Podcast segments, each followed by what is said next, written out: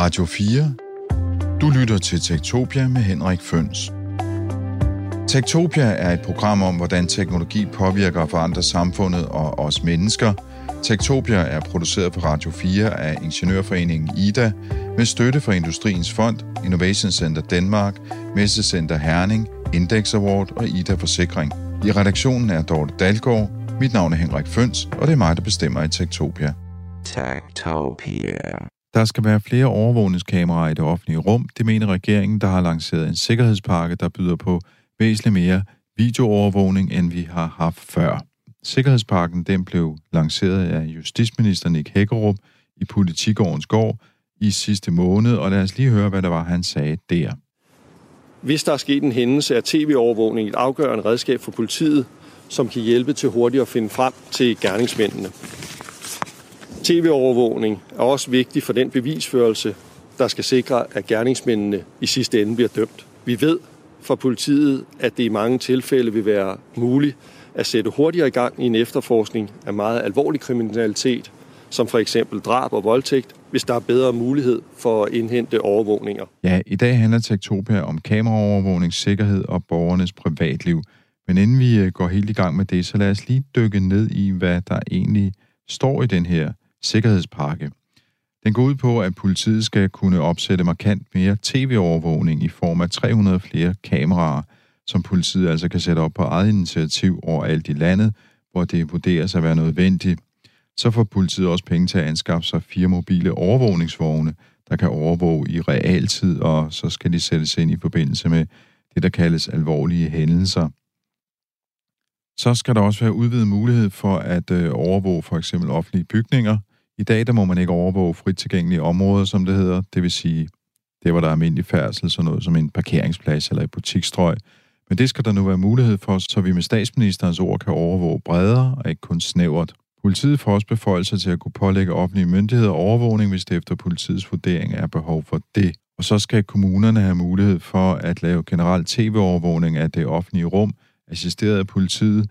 Og her tænker man især på nattelivet, så danskerne kan føle sig sikre, når de bevæger sig rundt der. Så skal det også gøres obligatorisk for alle private og offentlige myndigheder at registrere den tv-overvågning, de foretager, og det skal de registrere i politiets register Polcam. Og det handler om, at alle overvågningskameraer de skal registreres et samlet sted.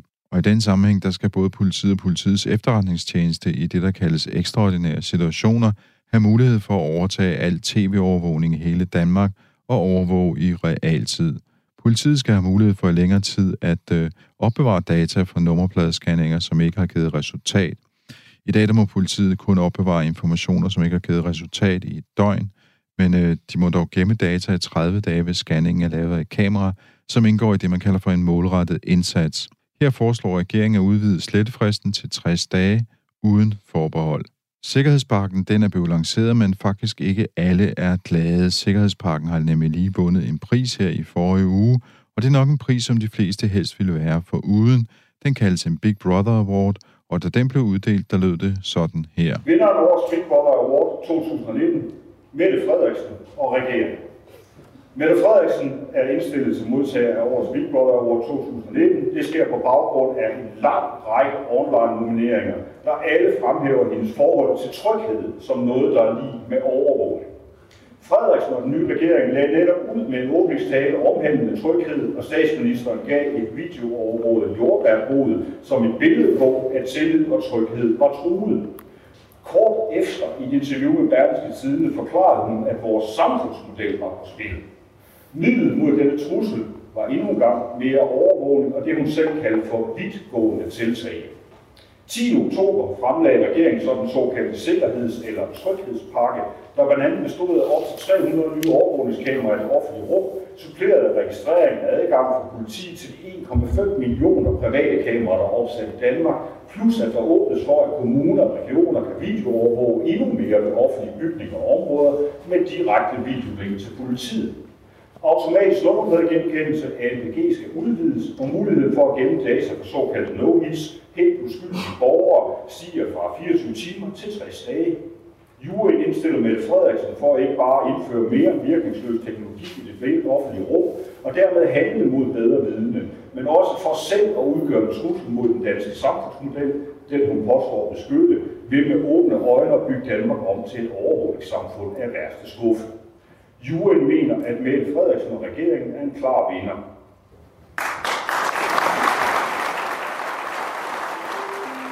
Du lytter til Tektopia med Henrik Føns. Ja, det var så øh, den tidligere vært på øh, 24-programmet Aflytter Anders Kjærhoff, der her overrakte prisen. Og det bringer mig så frem til de tre gæster, vi har i studiet i dag. Jeppe Brugs, retsordfører for Socialdemokratiet. Rikke Frank Jørgensen, der er seniorforsker på Institut for Menneskerettigheder. Og Andreas Marklund, der er forskningschef og historiker hos Enigma. Og jeg vil jeg vender lige tilbage til dig lige om lidt for at høre, hvordan det egentlig føles at høre sådan en omgang, som Anders Kjærhoff her fyrer af når man nu sidder og er en øh, del af dem, der står bag den her sikkerhedspark. Men allerførst, så kunne jeg godt tænke mig at spørge vores historiker, Andreas Marklund. Øh, nu snakker de om Big Brother Award og, og øh, 1984 osv. Hvis man nu ikke lige kender den her roman, som øh, der bliver henvist til her, kan du så ikke lige give os det historiske overblik? Hvad, hvad var det for en bog, hvornår udkom den osv.? Yes. Um, nu har du inviteret en lidt småkedelig kildebesat historiker, man svensk historiker, så jeg tror jeg vil starte med at konstatere, at Big Brother aldrig har eksisteret historisk. Det er netop en roman. Altså det der udtryk, som vi alle sammen kender. Big brother is watching you. Altså storebror ser dig. Det kommer altså fra en dystopisk science fiction-roman, som er skrevet af en britisk øh, uh, science fiction-forfatter, eller forfatter i almindelighed, som er George Orwell.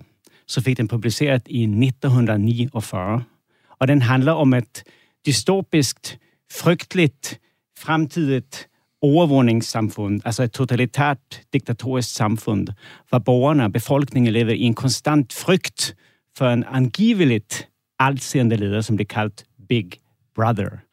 Og jeg tror, at man allerede på den første side blev introduceret for den her slogan, Big Brother is watching you. Alltså den hänger på en, alltså man ser texten på et plakat, hvor der så billeder en mand med et mistænkeligt stramt overskæg.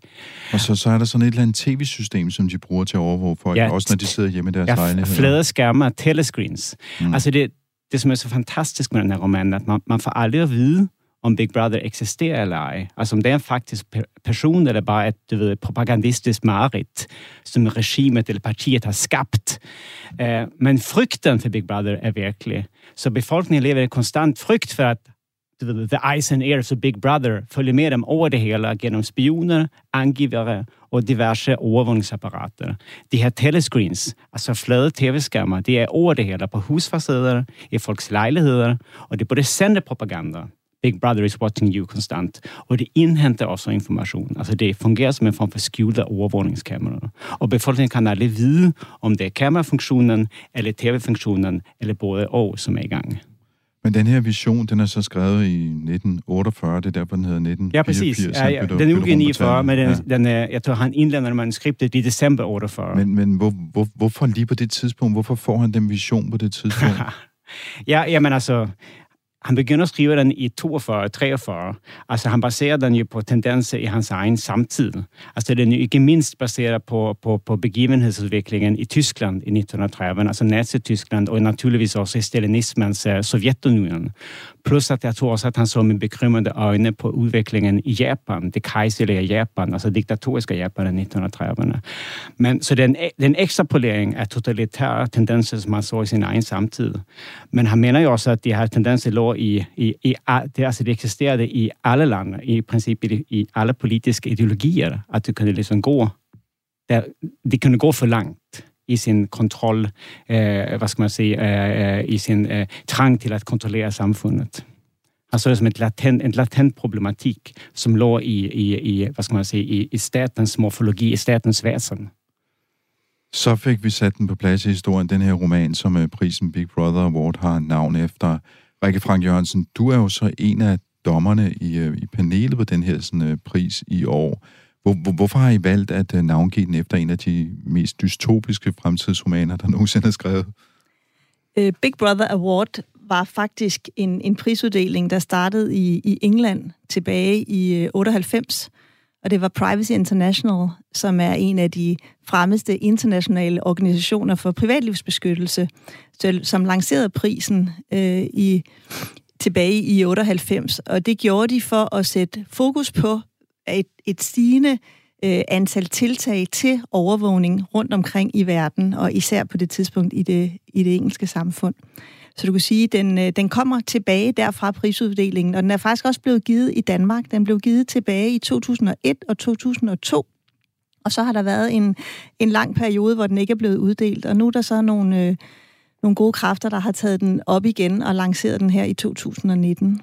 Men, men for lige at vende tilbage til det dystopiske i romanen, altså det er jo øh, det er meget tungt, det her sådan, øh, verdensbillede, der bliver tegnet op der. Øh, står det så galt til i dag for os med overvågning og så videre, og den der totalitære tendenser? Altså, jeg tror ikke, der er så meget tvivl om, at vi er, hvis vi ser tilbage de sidste 20 eller 30 år øh, i det danske samfund, eller i de andre EU-samfund også, så er der en, en øgning af den statslige overvågning, og også af den kommercielle overvågning for den sags skyld. Så du ser, du har set en, en bevægelse, og især siden øh, 2001, som hele tiden går i retning af, af øget overvågning. Så man kan sige, altså med prisen, vi har, vi, jeg er faktisk også med i en anden dommerkomité, som uddeler en databeskyttelsespris i januar. Mm. Og du kan sige, det er sådan en meget positiv pris, fordi den siger, hvem, hvem hvilke gode kræfter i samfundet har gjort meget for at fremme retten til privatliv og databeskyttelse i det forgangne år. Så det her altså den modsatte pris, den siger, hvor synes vi der især er taget et skridt i den forkerte retning i forhold til overvågning af borgere. Jeppe Brugs, øh, retspolitisk ordfører Socialdemokratiet. Som vi hørte her i klippet, så var der ikke mødt nogen op for at modtage blomsterne og prisen. Hvad, hvad, hvad tænker du, når du øh, hører den her omgang? Jamen, jeg er det ked af, at det ikke har inviteret mig. Så vil du, jeg, du vil godt være kommet? Ja, så vil jeg være kommet. Ja. nu kan jeg også høre, at han brugte som del af begrundelsen for prisen, at man skal registrere kameraer, så man ved direkte videolink kan sidde og følge med. Altså, det er jo lodret forkert. Mm. Og jeg tror, det er det billede, som også bliver tegnet lidt her. Øh, jeg var deltog i, i DR2's debatten, hvor Clemen Kærsgaard troede det samme. Havde den opfattelse, at nu øh, lavede vi sådan en central, hvor alle videoovervågninger kunne føde ind til, og så kan man sidde og, og overvåge folk. Lidt ligesom øh, en lidt mildere version, men dog ligesom øh, den berømte roman. Det er simpelthen ikke det, der er tilfældet. Det, der er tilfældet, det er, at vi har omkring øh, halvanden million, vurderer Sikkerhedsbranchen, kameraer i Danmark. Øh, og for at være en privat virksomhed, en restauratør eller en tankstation eller noget andet, så skal du have tilladelse til at hænge et kamera op. Men vi, vi registrerer det ikke nogen steder. Og det vi faktisk vil, det er at gøre det obligatorisk at registrere, hvor kameraerne hænger. Men for at få adgang til de, op, altså de overvågningsbilleder, så skal politiet have lov til det, at den, der ejer kameraet, og hvis ikke de vil give lov til det, så skal man have en retskendelse. Øh, og det er jo bare et lidt væsentligt andet billede, end det at sige, at nu fører det hele ind til en stor central, hvor vi kan sidde og overvåge. Rikke Frank Jørgensen, øh, måske skulle du lige uddybe, hvad, hvad er det, der er særligt 1984 ved Sikkerhedsparken? Hvorfor lige den? Altså, øh, vi sad jo og kiggede på alle de forskellige indstillinger, der var kommet til prisen, og der var det helt, altså, det var et, et overvældende flertal, vil jeg sige, der pegede på øh, Mette Frederiksen og, og Sikkerheds- eller Tryghedspakken som vinderen. Og der blev givet mange forskellige begrundelser. Øh, nogle af dem var, eller nogle, et, et argument, der gik igen i flere af begrundelserne, var en opfattelse af, at man med, med pakken ønsker at komme nogle meget specifikke problemer til livs. Altså noget øget kriminalitet, særligt bandekriminalitet, men at det generelle kriminalitetsbillede faktisk er faldende kriminalitet. Og det vil sige, at man går ud og laver nogle tiltag, hvor man øger en generel overvågning af os alle sammen, for at komme nogle meget specifikke problemer til livs i et samfund, hvor vi samlet set har faldende kriminalitet. Og det falder altså, det falder mange på brystet, at man overvåger de mange for at ramme de få. Det er lidt den samme diskussion, vi har haft i mange år med, med tillokning. Altså det her er med, at man laver en generel registrering af alle, for så derefter at kunne efterforske nogle få. Så er der også mange, og det argument har vi jo også hørt mange gange øh, i debatten, der slår på, at det ikke er særlig evident, at det her med overvågnings, øget overvågningskameraer, flere overvågningskameraer i det offentlige rum, at det faktisk er det mest effektive middel. Øh, der, er, der, der, der er meget, meget blandet forskning på området, for at sige det mildt. I forhold til den præventive, præventive effekt af overvågningskameraer, der, der er man rimelig klar på, at det kan man, man kan faktisk ikke sige, at det har en særlig stærk præventiv effekt. Derimod er der meget, der tyder på, at det flytter kriminaliteten rundt i byrummet. Øh, folk kan, kan undgå og undgår aktivt overvågningskameraer ved at maskere sig på forskellige måder. Øh, så der, der har vi altså ikke et klart billede af, at det faktisk har den effekt, som ligesom skulle være begrundelsen for at indføre det. I forhold til den efterforskningsmæssige effekt, som så er det andet, der er ligesom to rationaler i det, at forebygge og, og øge efterforskningen. Øh, der har vi altså heller ikke særlig meget vidensbaseret dokumentation på, at det rent faktisk er det, er det bedste middel. Og man må sige, at udgangspunktet er jo, at når vi går ind og laver et overvågningstiltag, så griber vi ind i borgerens frihedsrettigheder. Og det kan være legitimt, og det er der, kan man sige, hjemmel til i menneskeretten i en lang række tilfælde at gøre. Det er jo ikke sådan, at vi slet ikke må gribe ind i borgerens frihedsrettigheder. Men når vi griber ind, så skal vi altså være sikre på, at det er det mindst indgribende og effektive middel til at løse et givet problem.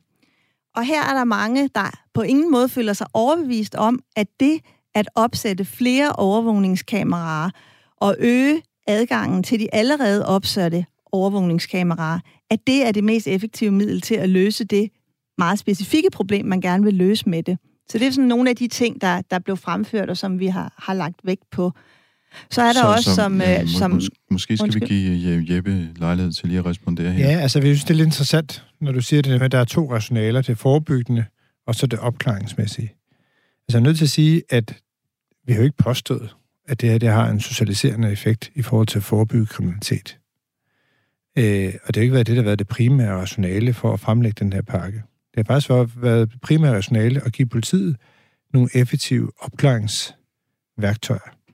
Og det ved, det er, at kamera- og tv-overvågning i dag er et helt centralt og effektivt værktøj til hurtigt at opklare kriminalitet. Øh, så kan sige, hvis vi får lykkes med at få bekæmpet bander og organiseret kriminalitet og uro i det hele taget mere effektivt, ja, så vil det selvfølgelig også have et tryghedsskabende element. Det kan også i sig selv have et tryghedsskabende element, hvis det for eksempel hænger i et S-tog om aftenen, hvor man rejser hjem, og det er mørkt. Øh, men vi har ikke sådan påstået, at det her det sådan er ligestillet med alle mulige andre forebyggende tiltag. Når vi gør det, øh, og det er jo rigtigt, at det jo hænger også sammen med den situation, vi har set i København med 13, nu 13 bombesprængninger inden for det seneste halve år, hvor vi kan se, at den inspiration, der også er fra, beklager for vores svenske medlem øh, af, af panelet her, men den, den inspiration, der også har været fra Malmø-området, ønsker vi sådan set ikke i København. Øh, så der er selvfølgelig noget her, som handler omkring den organiserede kriminalitet, og særligt banderne, som er blevet mere forrådet.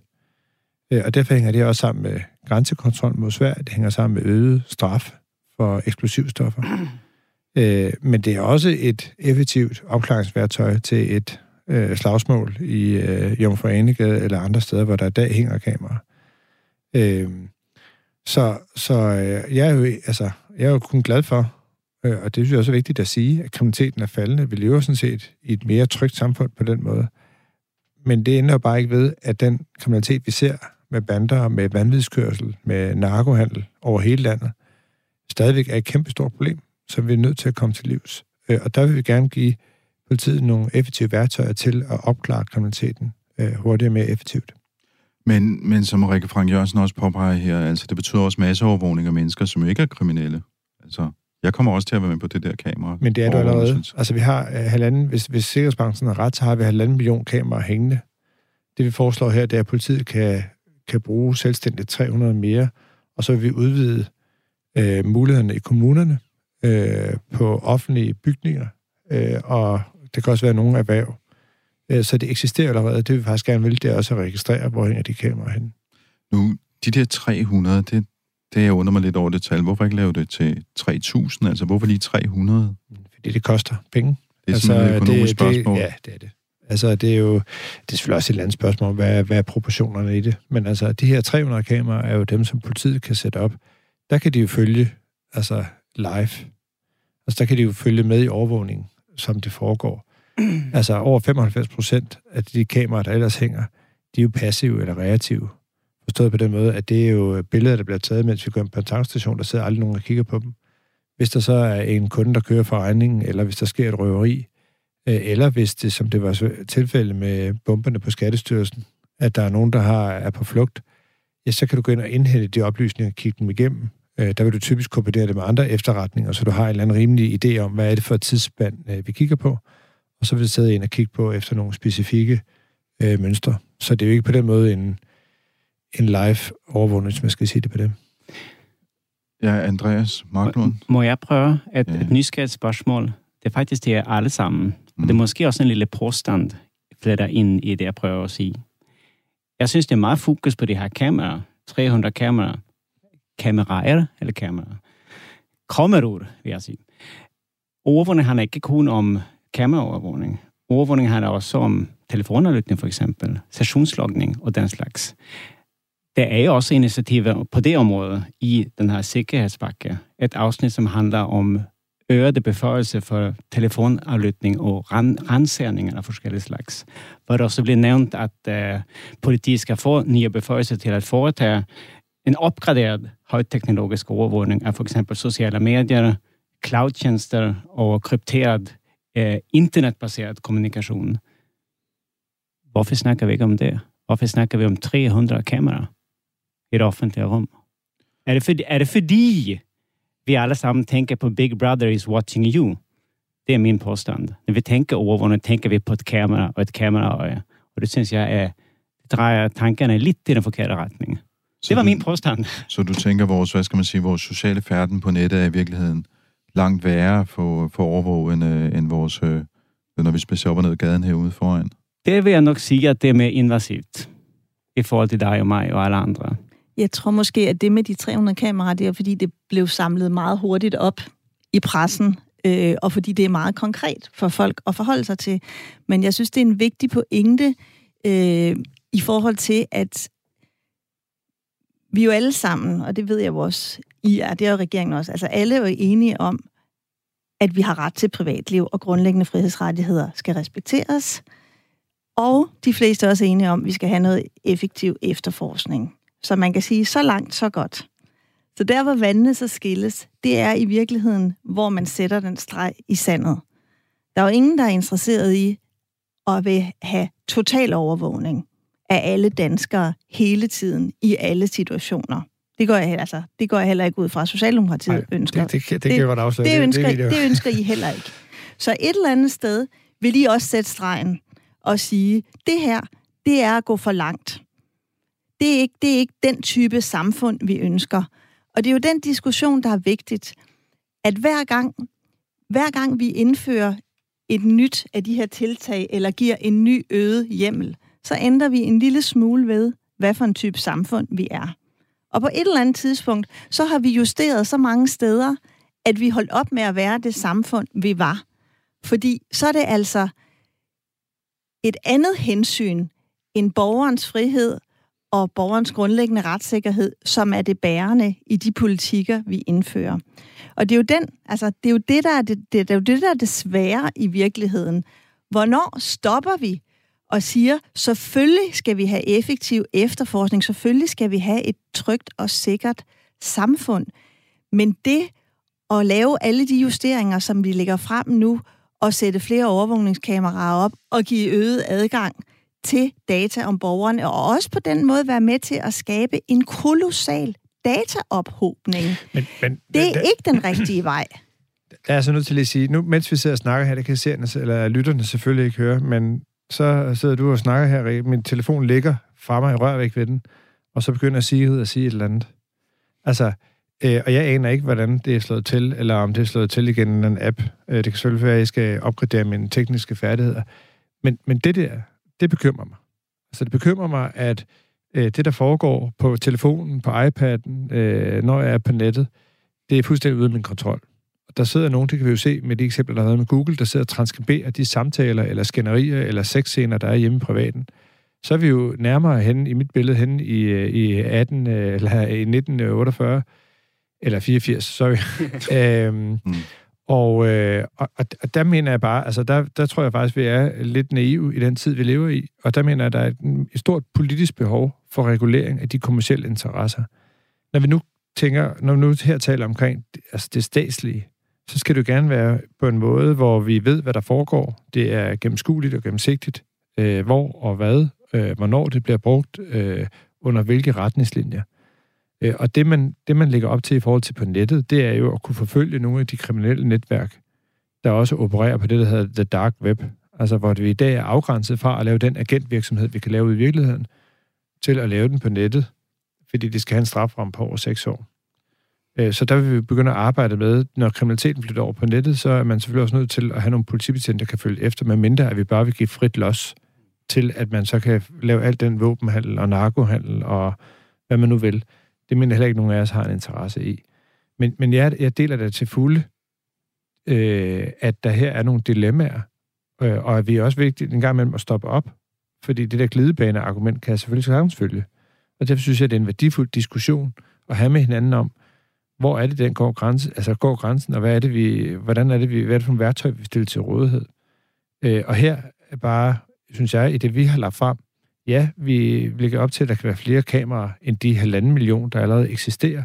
Vi vil faktisk gerne have dem registreret. Øh, og så er det også vigtigt at sige, at det ikke taler om, som det, der var anledningen til prisen her, kunne jeg forstå, at det hele taget fået en eller anden supercomputer, hvor politiet kan lave et uh, livecenter, der kan sidde og overvåge os alle sammen. Men, men spørgsmålet om, man kan gå ud og referere de oplysninger med en retskendelse, øh, når der er behov for det, og dermed også give politiet nogle hurtige, mere effektive værktøjer. Men øh, nu nævner I, uh, Andreas snakker om uh, datakapitalisme, overvågning osv. Du kommer op med en siger-besked og siger, jamen der sidder nogen et eller andet sted i USA måske, overvåge, hvad jeg går rundt og laver, men det gør det vel ikke legitimt, at, øh, at man som regering også skal overvåge hele befolkningen? Nej, nej. Altså, du kan altså, sige... Det, det er jo to ja, forskellige ting, kan man ja, sige. Ja, det, det er ikke to forskellige ting, fordi det skulle gerne være sådan, at når staten gør det, så er det under kontrol, og det, det er gennemskueligt for os alle sammen, hvad der foregår, og på hvilket grundlag. Det, det mener jeg langt fra tilfældet i dag på det kommercielle marked. Altså, når, når kommercielle aktører og tech-giganter overvåger os og bruger vores data i kommercielle formål, så er det fuldstændig ude af vores kontrol. Der er ikke nogen, der har bedt om, om lov. Altså, det kan selvfølgelig godt være, at vi har accepteret, det gør vi jo, og det gør jeg også selv, acceptere alle de der ting, man skal acceptere. Og der er formentlig noget af det, hvor jeg afskriver mig retten til alt muligt. Men det er i hvert fald ikke gennemskueligt for mig. Øh, og jeg tænker ikke, at jeg er hverken klogere eller dummere end flest. Mm. Så, så det, det er nok det tilfælde for de fleste af os, at det er helt uigennemskueligt, hvad der foregår. Og derfor er det den politiske opgave at begynde at kigge på, hvordan er det, vi regulerer øh, den del, der handler omkring det kommercielle overvågning. Du lytter til Radio 4. Du lytter til Tektopia på Radio 4, og her i studiet, der har vi Jeppe Brus, som er retsordfører for øh, Socialdemokratiet, Rikke Frank Jørgensen, der er seniorforsker på Institut for Menneskerettigheder, og Andreas Marklund, der er forskningschef på Enigma. Og det vi diskuterer, det er regeringens sikkerhedspakke og overvågning generelt, kunne man sige. Og jeg kunne godt tænke mig, at vi måske lige vendte tilbage til det der spor med øh, videoovervågning, fordi Rikke Frank Jørgensen, du har været en del af sådan en værdiundersøgelse på et tidligere tidspunkt i, øh, i år, som også udkom i bogform. Og der var faktisk også øh, nogle øh, tal, der handlede om øh, videoovervågning og danskernes holdning til det. Ja, værdiundersøgelsen, det er en, en undersøgelse, man har lavet faktisk på europæisk plan øh, tilbage fra 1981 og kørt med hver syvende år, hvor man så tager, går ud og spørger en masse danskere om deres holdninger til alle mulige forskellige ting. Foreningsliv, politisk liv, opdragelse, alle mulige forskellige samfundsforhold, religion. I 2017, da man sidst kørte undersøgelsen, der havde man så inkluderet tre spørgsmål om overvågning, hvor man så spurgte folk til deres holdning til statens ret til at overvågning, eller statens ret til at overvåge i forhold til videoovervågning i det offentlige rum, i forhold til at overvåge e-mail og internetkommunikation, og i forhold til generel informationsindsamling uden folks vidne. Så det var de, altså de tre nye overvågningsspørgsmål, der var med i undersøgelsen. Og det billede, øh, der tegnede sig efterfølgende, det var, at øh, danskerne var, havde, var villige til at give staten et, et ret stort mandat i forhold til videoovervågning i det offentlige rum. Altså der var omkring 80 procent, som godt ville give staten lov til videoovervågning i det offentlige rum, eller synes, at det var, det var legitimt og ok. Hvorimod de to andre overvågningsformer, altså e-mail og internetkommunikation og generel informationsindsamling, der var langt hovedparten kritiske og synes, at det skulle staten ikke generelt have lov til. Det man også, så var vi også inde og kigge på, hvem, hvem var det så? Altså, hvad kunne man ligesom se i forhold til demografien i dem, der svarede? Og dem, der var de mest kritiske i forhold til videoovervågning, det var de unge, og det var dem med længere uddannelse, og dem, der var mest overvågningsvenlige, kan du sige, det var de ældre. Øh, og så kiggede vi også på politisk tilhørsforhold, og der viste sig måske ikke så overraskende, at dem, der associerede sig med, med venstrefløjen, var de mest overvågningskritiske, dog undtaget Socialdemokratiet, som var mere overvågningsvenlige, øh, og på den måde lå mere på linje med, med de klassiske højrefløjspartier.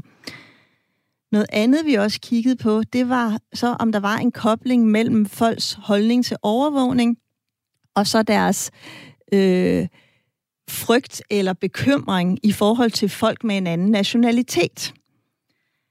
Og der viste det sig, at der var faktisk en sammenhæng, sådan at jo mere bekymret man var for fremmede eller folk af en anden nationalitet, jo mere venlig indstillet var man også i forhold til videoovervågning. Og jo mere bekymret man var øh, for terror, igen, jo mere venlig indstillet var man over for videoovervågning. Og det er jo ikke så, det er ikke så overraskende, kan man sige, fordi videoovervågning jo netop, som vi også ser det her, bliver tit bliver koblet til en diskussion om tryghed og sikkerhed i det offentlige rum. Øh, og, og derfor ser man også, tror jeg, nogle af de sammenhænge. Så det har en stor symbolværdi, kan man sige? Ja, og det får også en, ofte en stor symbolværdi i, i debatten. Jeg synes, det i forhold til, til svarene fra de unge, som var de mest overvågningskritiske, øh, var lidt interessant, fordi man kan jo tolke tallene på flere måder. En tolkning kunne være at sige, øh, de unge er ikke så orienteret mod tryghed og sikkerhed, som de ældre eksempelvis. De er simpelthen mindre bekymrede øh, generelt, og derfor øh, laver de ikke den tætte kobling mellem, øh, mellem overvågning og tryghed og sikkerhed. En anden tolkning kunne også være at sige, at det er nogle generationer, der er vokset op med det digitale på en anden måde, og måske repræsenterer en mere kritisk holdning, øh, end vi ser hos de ældre generationer. Men det er jo sådan noget, altså vi så kan vende tilbage til, når undersøgelsen kører igen næste gang. Om det forandrer sig. Jeppe Brugs, øh, hvad tænker du? Det lyder som om, du er ret godt i synk med dine vælgere egentlig. Ja, altså, øh, jeg, synes, der er, jeg synes, der er bestemt, der er grund til at være kritisk, øh, og også, som jeg sagde før, altså anerkende de dilemmaer, der er i diskussionen. Øh, nu talte vi også før omkring sessionslokning og e-mail. Altså, når man siger det, så tænker folk, er der nogen, der sidder og lytter på min samtale, eller læser min e-mail? Det, det er jo ikke det, der er tilfældet. Altså, det der tilfælde, det er, at man registrerer, hvad der er for nogle samtaler mellem folk, og hvad der er for nogle... Øh, ting, der har været i forhold til sessionslokning, og så kan man bruge det igen med en retskendelse øh, i opklaringssammenhæng. Jeg tror sådan set, hvis man stiller spørgsmålet anderledes, altså skal vi have nogle effektive midler til at forebygge øh, kriminelle handlinger, både i forhold til den organiserede, men også det, vi har set, den terrortrussel, vi nu har været igennem nogle årtier med, øh, så, så uden at jeg sådan har dokumentation for det, vil min fornemmelse være, at det vil de fleste nok tænke mig en, en relativt god idé. Så, så jeg tror da også, det er vigtigt i de her snakke at være endnu bedre til at forklare, hvad det er, der foregår, hvad det er, der foregår. Også ud fra den præmis, som jeg sagde før, at når staten gør det, så skal det gerne være på et oplyst grundlag, hvor vi som borgere ved, øh, hvad rammerne er. Øh, det ændrer jo bare ikke ved, at der selvfølgelig er forskellige holdninger, øh, også til, hvor går grænsen. Øh, og, og noget af det, der bekymrer mig, jeg ved ikke, jeg må, må jeg sige det på det tidspunkt også, altså det er også det eksempel, jeg nævnte før, hvor side her bare klikker på, uden at gøre noget som helst. Altså det er der, at den, den grænse er fuldstændig øh, gråzoneagtig for mig, når det kommer til de private øh, tech-virksomheder. Øh, og, øh, og der, øh, nu kan jeg forstå, at du også, Rikke, skal være med til at indstifte en pris for, eller give en pris for nogle af dem, der har virkelig gjort noget. Altså det er et meget godt eksempel. Så sidder jeg og tænker, det må jo være EU og GDPR. Altså som eksempel på, at man politisk, fra politisk hånd, jo godt kan tage vare om den udfordring, vi også har i forhold til vores, øh, vores data og vores rettigheder. Nu nævnte du sessionslokning, øh, og det er jo, altså, der synes jeg, det er vigtigt at huske, fordi det er jo rigtigt, som du siger, det er jo altså det, at man registrerer alle de her kommunikationsdata, hver gang vi sender en e-mail eller foretager et telefonopkald eller laver en session på internettet, at det betyder ikke, at der er nogen, der sidder og følger med i realtid, så at sige. Det er, en, det er nogle data, der bliver gemt, og så kan politiet få adgang til dem med en retskendelse. Men selv om det er på den måde, du der beskriver, så har EU-domstolen jo faktisk været inde og forholdt sig til det af to omgange, og sagt, at den, den praksis, den strider simpelthen imod retten til privatliv og databeskyttelse, som det er fastlagt i EU's charter for grundlæggende rettigheder. Så der har du altså haft en EU-domstol, der har været inde og sagt, selvom det er et legitimt formål, selvom det er rigtig, rigtig vigtigt at bekæmpe alvorlig kriminalitet, så det at foretage en helt generel og udifferentieret lokning af alle data af alle danskere, og i det her tilfælde alle europæers kommunikation, det er simpelthen en krænkelse af retten til privatliv, og derfor blev det EU-direktiv, der lå til grund for de danske lokningsregler, jo også ophævet. Vi har så bare ikke ændret praksis endnu i Danmark. Så det er jo, altså lokningssagen er jo på den måde et godt eksempel på, at det er jo ikke fordi, at man ikke kan forstå ønsket om at gemme alle de her data. Men der er så nogen der, her konkret en domstol, der har, der har simpelthen taget stilling konkret til, hvor den grænse skulle gå, og fundet, at den går på et forkert sted lige nu. Og der tænker jeg jo så, når du siger det, jamen øh, Jeppe Brugs, du siger, at vi skal stole på regeringen og, og de offentlige myndigheder osv., men her der er jo et eksempel på et stykke lovgivning, som ikke er blevet ændret, selvom EU-domstolen siger, at det faktisk er gået for langt. Ja, altså når, når domstolene dømmer, altså det er magtens tredeling. Vi laver noget lovgivning som lovgiver, så er der nogen, der fører noget i livet af regeringen, og så er der nogle domstole, der forholder sig til, øh, om man holder sig inden for rammerne af den lovgivning eller de konventioner. Øh, og, øh, og jeg synes ikke, det er min opgave som lovgiver at sidde og sige, der tog domstolen fejl. Så er det min lovgiver som, opgave, som lovgiver, synes jeg, at hvis der er nogle domme, som går imod det, jeg gerne vil være med til, så må jeg jo finde ud af, kan jeg lave nogle nye rammer? Øh, og jeg skal ikke kloge mig helt specifikt på, øh, på, øh, på den tom. Øh, det ved jeg simpelthen for lidt om. Men øh, endnu. Men, øh, men, men jeg synes jo, at øh, det vi taler om her, det er, at selvfølgelig skal vi stole på, på, øh, på staten. Øh, og, men, men det ender bare ikke ved, at der også er udfordringer. Altså, og det anerkender jeg også til fulde. Vi kan jo bare se teleskandalen, som ruller ud i øjeblikket, øh, hvor man ikke har været dygtig nok til at håndtere de her teledata og bruge dem i en retssag. Altså, det er en kæmpe skandale. Og, og det gør da, at vi alle sammen stopper op og siger, okay, hmm, hvordan sikrer vi så en bedre kontrol? Der er selvfølgelig også nogen, der har en holdning, så skal vi helt fjerne muligheden for at bruge teledata i retssager. Den holdning har jeg ikke. Men jeg har da den holdning, at så må man jo rydde op i det, og så for, hvordan sørger vi for at få helt styr på det, og måske også i virkeligheden, der er også nogen, der har rejst diskussioner af, skal vi have nogen, der kunne kontrollere, hvordan, hvordan politiet bruger de, øh, de øh, data, de indsamler. Det synes jeg måske ikke er verdens dårligste idé. Altså, så, så, så, så jeg anerkender da, at den her diskussion er væsentlig, øh, og at vi kommer til at tage den lidt altså fra gang til gang. Det er sådan den ene del af det. Men vi er selvfølgelig også nødt til at have den principielle drøftelse af, som du også er inde på, hvor går grænserne? Øh, fordi ellers så, så får man jo bare sådan en, en, en glidebane. Øh, og, og det, er jo det, det er jo desværre, men jo også det, øh, det vi er jo nødt til at gøre, det er at kunne håndtere begge dele.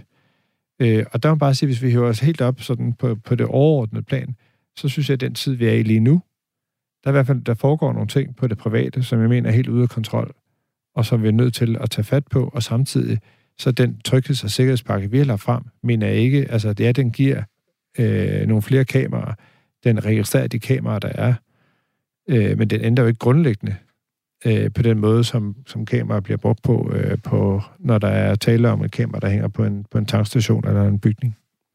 Andreas Marklund, du havde en bemærkning. Ja, jeg er meget kort. Altså, jeg er meget enig med Jeppe på mange punkter, og jeg synes, det er super positivt, at vi har politikere, som Jeppe, som engagerer sig i den her typen af spørgsmål. For det her med overvågning, det er jo noget meget, meget komplekst. Og vi har brug for folkevalgte politikere, som faktisk prøver at regulere de her strukturer og systemer. Altså, who watches the watchman? Det er et klassisk politisk spørgsmål, som går tilbage til, til antiken. Eh, hvem vogter over vogterne? Naturligvis i demokrati er det jo folk, de folkevalgte politikere. Et problem er jo bare det der med eh, tillid til staten og at den her idén om, at statslig overvågning foregår på et oplyst underlag. Teledataserien beviser jo, at det ikke altid er så let at lyse op de her systemer. Det er jo de facto framför black boxes, sorte kasser, alltså närmast bokstavligt. Det är extremt komplexa socioteknologiske systemer med mange forskellige typer statslige aktører, mange forskellige typer institutioner mange forskellige typer tekniske eksperter og mange forskellige typer af teknologier, så nu begynder at få et eget liv nærmest. Altså, vi taler om kunstig intelligens, vi taler om tech-giganter og så videre. Altså, det er utroligt svært at styre de her systemer. Og input er ikke altid synonymt med det output, man får. Eh, så det er liksom et spørgsmålstegn, det kommer på mit hoved, når jeg læser den her sikkerhedspakke. Altså timingmæssigt, i forhold til den her teledata som kører samtidig. Mm. Er det lige nu, vi har brug for mere, eller skal vi mere fokusere på det, vi har, og forbedre? Altså, jeg, jeg medgiver, at det at komme med den her pakke midt oven i en øh, kæmpe skandale omkring deletager, øh, måske er en smule modigt. Øh, omvendt, så ændrer det bare ikke ved, at den, altså, det, det er også en reaktion på, er jo den udvikling, vi har set øh, omkring bombesprængninger og øh, altså grænseoverskridende øh, organiseret kriminalitet osv. Øh, og det, vi, altså, det føler vi jo også et behov for at skulle reagere på. Men, men, men jeg er da glad for, at du anerkender øh, også, også det, jeg siger, fordi jeg, jeg mener det også, altså, jeg er helt enig i det der med, at som borger kan vi jo ikke nødvendigvis gennemskue, hvad er det for grundlag, der foregår, og tele, øh, bruger man teledata i politiet. Jeg har selv været domsmand øh, og brugt været med til at, og, øh, for, mange, mange år siden, være med til at afsige en dom, hvor teledata også var en del af det, men det stod jo ikke alene. Nej. Øh, og, og det er jo også vigtigt at sige, at de her forskellige data, vi taler også i øjeblikket omkring brugen af DNA, altså det er jo ikke sådan noget, der står helt alene, eller får lov til at være det eneste bevis i en retssag. Men der er nogle forbehold, som jeg tror måske, man har været for dårlige til at tænke ind i det, i forhold til, hvordan, hvad er det for nogle risici, der er, mm. når man bruger de her data. Og det synes jeg, der er enormt vigtigt. Altså, man skal jo ikke lade en, en god krise øh, gå forbi uden at lære af den. Altså, og det, det skal man da også lære af den her teleskandale. Dels med, hvem er det, der fører kontrol med det, men også, hvad er det for nogle forbehold, man skal have, når man bruger den her type af data. Men det er et meget godt eksempel på, at, at der vil jeg jo mene, at det, at vi nu øh, eller har haft en situation, hvor man har været dårligt til at håndtere de data, betyder ikke for mig, at man skal lade være med at gøre det. Men jeg synes, det er så også vigtigt, altså nu siger du, at vi skal lære erfaringerne, jeg synes, det er vigtigt, når vi nu faktisk har fået en EU-dom, der handler om overvågning i virkeligheden, statslig overvågning inden for et helt legitimt forhold, så se på, hvad er det, domstolen kigger på, når de trækker den grænse, eller vurderer den eksisterende grænse. Og det er det her med, at overvågningstiltag, selvom formålet er helt legitimt, skal være så konkrete og målrettede som mulige. De skal ikke være generelle, de skal være konkrete og målrettede. Det er det ene, synes jeg, man kan, kan lære af den dom. Og den anden meget vigtige pointe, det er så retssikkerheden og sikkerheden i det hele taget omkring det indsamlede. Hvem får adgang til det? Hvordan sikres det? Hvilket tilsyn er der med anvendelsen? Så det er sådan både en, en meget stærk retssikkerhedspointe, og så er det den omkring det konkrete og målrettede i forhold til det generelle. Og hvor du kan sige, udvidelsen af overvågningen i det offentlige rum er et generelt overvågningstiltag. Ja, det, altså det lægger vi jo ikke skuld på. Altså at det altså at give lov til flere kameraer, også de kameraer, i hvilken kan pege ud på gaden, som jeg tror, hovedparten af dem i virkeligheden gør i dag, Øh, men øh, at det selvfølgelig medfører, at vi alle sammen bliver fanget på flere kameraer. Det gør det jo. Det skal vi da ikke skjule. Altså, det er jo ikke, det er ikke forsøg på at luske noget ind her. Tværtimod. Altså, det tror jeg ikke, der er nogen, der kan anklage øh, hverken statsminister eller justitsministeren for at gøre, når man indkalder til pressemøde og lægger den her pakke frem. Jeg tænker også lidt på, hvor, hvor går grænsen egentlig for os, for, øh, når, når det handler om overvågning? Fordi øh, hvis det kan tage lang tid, og der er rigtig meget datamateriale, hvorfor så ikke lave en kinesisk løsning, hvor man laver ansigtsgenkendelse for eksempel, altså laver et system, som virkelig fungerer. Mm. Ja, det har, det har også været en diskussion her, altså fordi nærmest ugen efter, vi blev beskyldt for at, at indføre masseovervågning, gå alt for langt, så blev vi beskyldt for at ikke gå langt nok, fordi vi ikke ville koble det sammen, øh, bare sådan partout med ansigtsgenkendelse. Jeg synes jo også, at den diskussion, vi er også vidne om, at, at der er flere nuancer i det. Altså, Øh, fordi de der programmer, software, som mig bekendt, er jo mange forskellige ting. Altså det kan være, hvis du har en stor datamængde og leder efter en specifik genstand eller et specifikt ansigt. Øh, Øh, det kan jo også være at kobles op på et kamera, der kører real life, hvor du så kan kigge på, hvad er det for nogle profiler, du har inde i et stort system. Øh, og derfor har vi jo sagt, at det er jo ikke, altså, vi vil hverken sige ja eller nej, altså, fordi det, jeg synes, det er en diskussion, der, der kræver, at vi, øh, vi får en debat om, hvad, hvad, hvis det skal bruges, hvornår og hvordan og hvorledes, Øh, og derfor har jeg ikke bare vil sige ja, øh, ligesom øh, Venstre og Dansk Folkeparti, øh, bare køre afsted med det. Jeg har omvendt heller ikke bare sagt nej, ligesom Venstrefløjen, og sige, det vil vi aldrig nogensinde have noget med at gøre, fordi vi er jo nødt til at kigge på, altså, hvad, hvad, hvad er det for nogle konkrete tilfælde, hvis det skal indføres, og i hvilken sammenhæng. Øh, vi har ikke lagt det frem som en del af trygheds- og sikkerhedspakken, men, men programmerne eksisterer, og derfor kommer vi jo til at have den øh, drøftelse. Rikke Frank Jørgensen, det lyder som om, at der er basis for endnu en Big Brother Award på et tidspunkt. Ja, og man kan sige, at i forhold til ansigtsgenkendelse, så er det jo en debat, der ruller internationalt, og der er jo flere steder allerede nu, hvor man taler om et, et simpelthen et forbud, indtil man har mere styr på, hvad det egentlig er, man har med at gøre. Jeg tror, Så jeg man, er, synes- man er forbudt i San Francisco, Ja, det har man blandt andet. Ikke? Så Ja. der synes jeg, det er meget, meget vigtigt at, at sætte den på pause, indtil vi har et, et mere vidensbaseret grundlag øh, at handle på. Du lytter til Tektopia med Henrik Føns. Andreas Marklund, jeg ved, at du har jo kigget på overvågningens historie, og i den forbindelse har du også kigget på, hvordan øh, svenske og danske socialdemokrater har forholdt sig til overvågning gennem tiden. Ja. Altså jeg mener jo overordnet sett som historiker at eh, det, de, de nordiska socialdemokratier, altså især i Danmark, Sverige og Norge, øh, i de sidste 80 år har udviklet en forholdsvis, som du siger, overvågningsvenlig eller øhm, en forholdsvis positiv indstilling til overvågningspolitiske indsatser i krisesituationer. Og det er meget interessant ideologisk rejse, for i starten, i 1870'erne, 1880'erne, er Socialdemokraterne meget overvågningskritiske. De er også meget systemkritiske. Overvågningsteknologien er 1800-tallet for dem. Det er værktøjer i borgerskabets tjeneste. Og de er også udsatte for meget politisk, meget invasiv overvågning. Jeg har fundet store liste med stavningsnavn på, altså hvor han blev overvåget. Hans brev blev åbnet, hans telegrammer blev opsnappet under Første verdenskrig. Men Stavning bliver statsminister.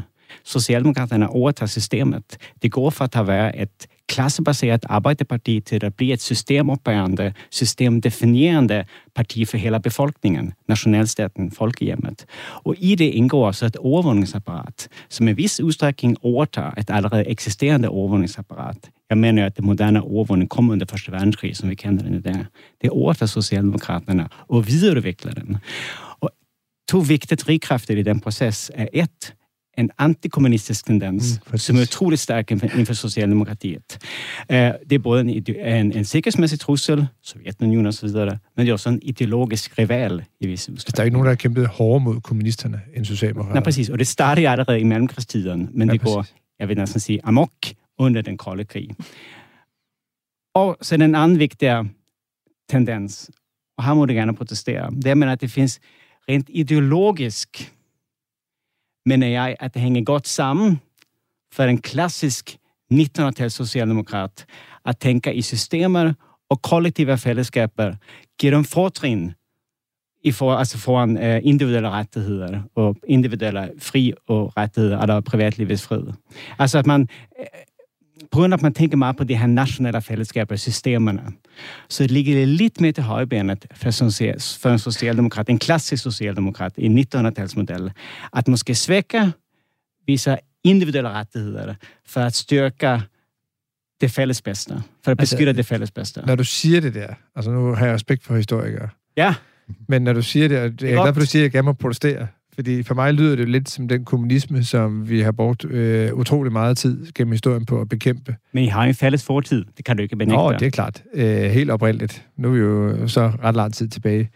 Øh, jeg- anerkender, at altså, det er også en del af det, vi pitcher jo alle sammen lidt af vores øh, egen frihed ind i fællesskabet, for at få noget tryghed tilbage.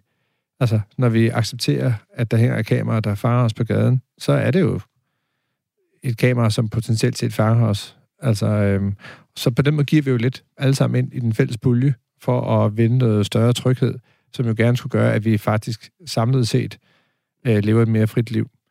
Øh, men, men jeg anerkender ikke den grundpræmis, at vi har at vi sætter systemet før mennesket, eller menneskets rettigheder. Tværtimod, så, så synes jeg faktisk, det, at det kan godt være, at vi gennem historien har, har, har gjort det i perioder, men jeg synes faktisk, det er en kamp for os socialdemokrater at sætte mennesker før systemet. Øh, og derfor er det da, altså, det er også derfor, jeg siger, at det er dilemmafyldt af en balance på, hvor går så den grænse. Og nu, ja, Ja, ja, tak til dig, Jeppe Brugs. Jeg ved, du skal tilbage til Folketinget og Ja. deltage i øh, nogle møder, så øh, vi siger farvel til dig ja tak. og fortsætter tak for, lidt her i tak for, studiet. Tak, du fordi du med. kom. Jeg håber, jeg håber ikke, det gjorde for ondt at få den her historiske, socialdemokratiske analyse af Det, det var meget spændende. I Tak, lige måde. I lige måde. Radio 4 taler med Danmark. Ja, øh, nu sagde vi farvel til Jeppe Brugs her, og Andreas Marklund, du var jo faktisk i gang med sådan en historisk udredning, og jeg kan mærke på dig, at øh, du kender overvågningens historie rigtig godt. Altså, er der, hvad skal man sige, et, øh, et starttidspunkt på, for, for, for moderne overvågningshistorie, hvor man ligesom siger, her starter det? Den første i 8. 1914. Så det starter med Første Verdenskrig? Ja, precis. Det mener jeg jo. Ja. Altså, naturligvis havde vi også overvågning inden Første Verdenskrig, men det var mere målrettet og mere begrænset. Altså, for eksempel var det socialdemokrater, der blev overvåget, og øh, venstre af, af højre under provisorierne, for eksempel. Og det var masser af postspionage og så videre under enevælden. Men det er under Første Verdenskrig, at de får de her masse overvågningssystemer, som vi kender den i dag, kender dem i dag, som ikke, som ikke mindst retter sig imod kommunikationsstrømme, informationsstrømme, som krydser landegrænserne. Altså på det tidspunkt breve, telegrammer, i vis udstrækning radiokommunikation og telefoni. Og de her sikkerhedsforanstaltninger, som er ekstraordinære, det kommer på grund af en ekstraordinær situation, krigen. Det bliver aldrig fuldstændigt afviklet bagefter, når krisen er overstået. Altså det sker en form for normalisering af det exceptionelle. Og det er en tilbagevendende tendens i overvågningens eh, moderne historie. At hver gang der var en krise, og dem har der været frygteligt mange af efter Første Verdenskrig, så er der kommet nye overvågningsforanstaltninger, nye overvågningsmekanismer og lovmæssige undtagelsesregler omkring indgreb i privatlivets fred, som aldrig fuldstændigt er blevet fjernet bagefter, hvis det ikke kommer en stor medrelateret skandale alla Edward Snowden eller Watergate eller kartoteksdebatterna i Danmark for eksempel. Vi havde både en i 40'erne og 60'erne, som bevirkede, at man fik det her parlamentariske udvalg, Vamberudvalget, som begyndte at holde øje med efterretningstjenesten for eksempel. Men den generelle tendens i overvågningens historie i, i 1900-tallet frem til i dag, er at de her systemer, de her meget uoverskuelige systemer, bare er blevet ved med at vokse og vokse og vokse.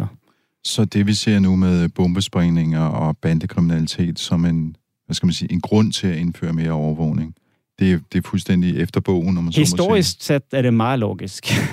og at det også kommer fra en socialdemokratisk regering. Ja. Spiller Uh, hver gang der var en krise, så, så sker det, øh, og, og det handler ikke, i hvert fald ikke for en socialdemokrat, så handler det ikke kun om symbolpolitik. Altså man, man, man, man, bruger faktisk det her overvågningsfaktorer som, som et middel til at styrke hvad skal man sige, fællesskabets sikkerhed med. Øh, og øh, det sker vel, det man kan tale om, er, at det kommer en, en, ofte en teknologisk opgradering af de eksisterende overvågningssystemer i forbindelse med, med kriser, som ryster samfundsordningen. Og det er en lille tendens i 1990'erne, som lige præcis som også var i 1920'erne, til, at, til, en, til en voksende overvågningskritik, som gjorde, at det her systemet i vis udstrækning begynder at afmonteres. I 90'erne havde vi Echelon-debatten for eksempel, som faktisk førte til nogle meget kritiske resolutioner i Europaparlamentet. Det var en meget kritisk resolutionstekst, som blev drøftet i Europaparlamentet den 5. september 2001. Men det rinner naturligvis ud i sandet efter, efter 11. september-attentaterne i den, altså 2001. Ja, for vi har de kritiske resolutioner efter Echelon, så kommer øh, angrebet mod World Trade Center i USA, og så ja, går det hele amok med og så kommer. Madrid, og så kommer London, ja. og så får vi logningsbekendtgørelsen, øh, og så kommer Grythunden, og, og så videre, og så videre. Og der har det jo ofte været bragt frem i debatten, at meget af det overvågningslovgivning, der blev indført efter 9-11, altså terrorangrebet i New York, at mm. det lå faktisk klar i skufferne rundt omkring, mm. men man havde ikke kunne få det igennem mm. tidligere. Men efter du så har terrorangrebet i New York, så er der pludselig den politiske velvilje mm. til at få det igennem bredt i de forskellige parlamenter. Tak til dig, Rikke Frank Jørgensen fra Institut for Menneskerettigheder, og Andreas Marklund fra øh, Museet Enigma, og til Jeppe Brugs fra Socialdemokratiet, som jo så har forladt os, fordi han skulle passe sit arbejde som politiker. Tak fordi I kom ind og øh, diskuterede overvågningsteknologi. Du kan høre Tektopia her på Radio 4 hver eneste søndag kl. 13.05. Mit navn er Henrik Føns. På genhør i næste uge. Tektopia.